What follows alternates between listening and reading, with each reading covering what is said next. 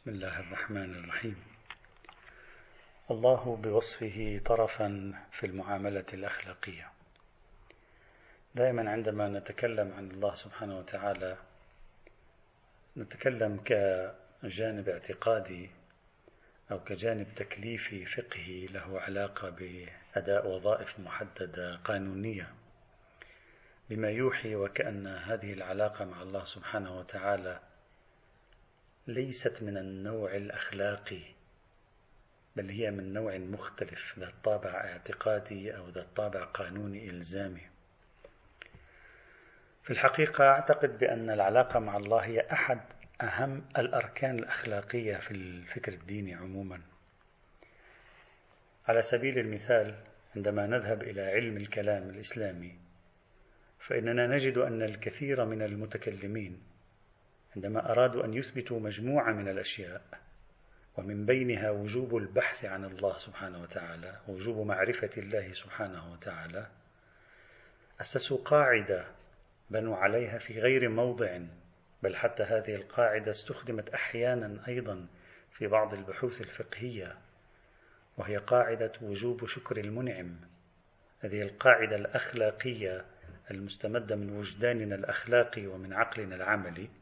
اعتقد المتكلمون بأنها قاعدة ثابتة وأساسية. إذا أول خطوة في التوجه نحو الله من منظور المتكلمين في السؤال عنه والبحث عنه هل هو موجود أو ليس بموجود. أول خطوة هي في الحقيقة خطوة أخلاقية. أي ال ال الأخلاق هي التي تدفعني إلى أن أبحث عنه. لأنه هناك من أنعم علي ويجب علي أن أشكر من أنعم علي فيجب علي أن أبحث عنه. وأن أعرفه من هو وأن أشكره بعد ذلك. لا أريد أن أقول هذه القاعدة صحيحة أو غير صحيحة توظيفها هنا صحيح أو توظيفها هناك غير صحيح بقدر ما أريد أن أقول إن علم الكلام الإسلامي عند جمهور واسع من متكلمي الإسلام نقطة الانطلاق عنده نحو الله هي المنعطف الأخلاقي المهم. عندما نأتي إلى القرآن الكريم عندما نأتي إلى الديانات التوحيدية المختلفة لماذا كانوا يذمون الشرك؟ فلنلاحظ القرآن وهذا موضوع تكلمنا عنه في مناسبات عديدة. القرآن ندد بسلوك العرب تجاه الله. اعتبر أن سلوكهم غير أخلاقي. في آيات كثيرة من القرآن الكريم ولا أريد الآن أن أدخل في بحث قرآني القرآن دائما يؤكد للعرب أنكم تعتقدون وتؤمنون بأن الله هو المنعم هو الخالق هو المتفضل هو المدبر الأمر هو الذي يرزق في السماء والأرض.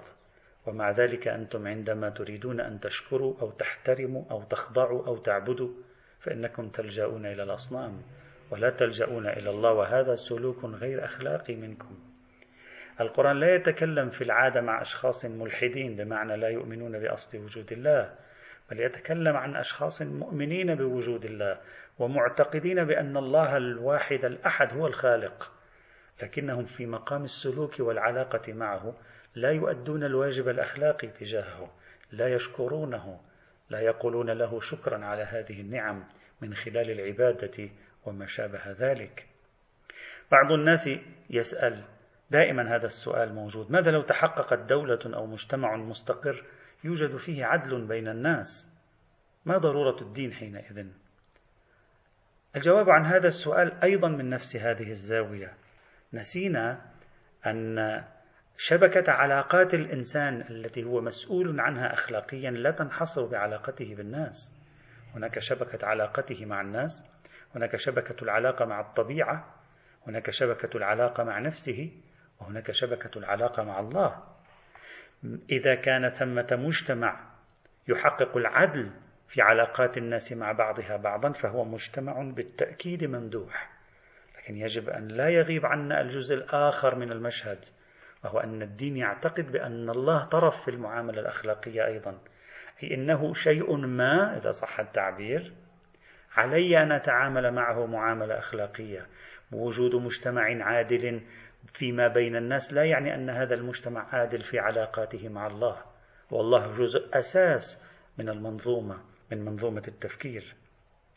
إذا عندما أتكلم عن الله سبحانه وتعالى ليس من الضروري دائما أن أتكلم عن نظام عقدي وليس من الضروري دائما أن أتكلم عن نظام إلزامات قهرية.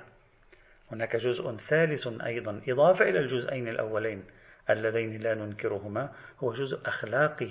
العلاقة مع الله تفرضها علي القيم الأخلاقية.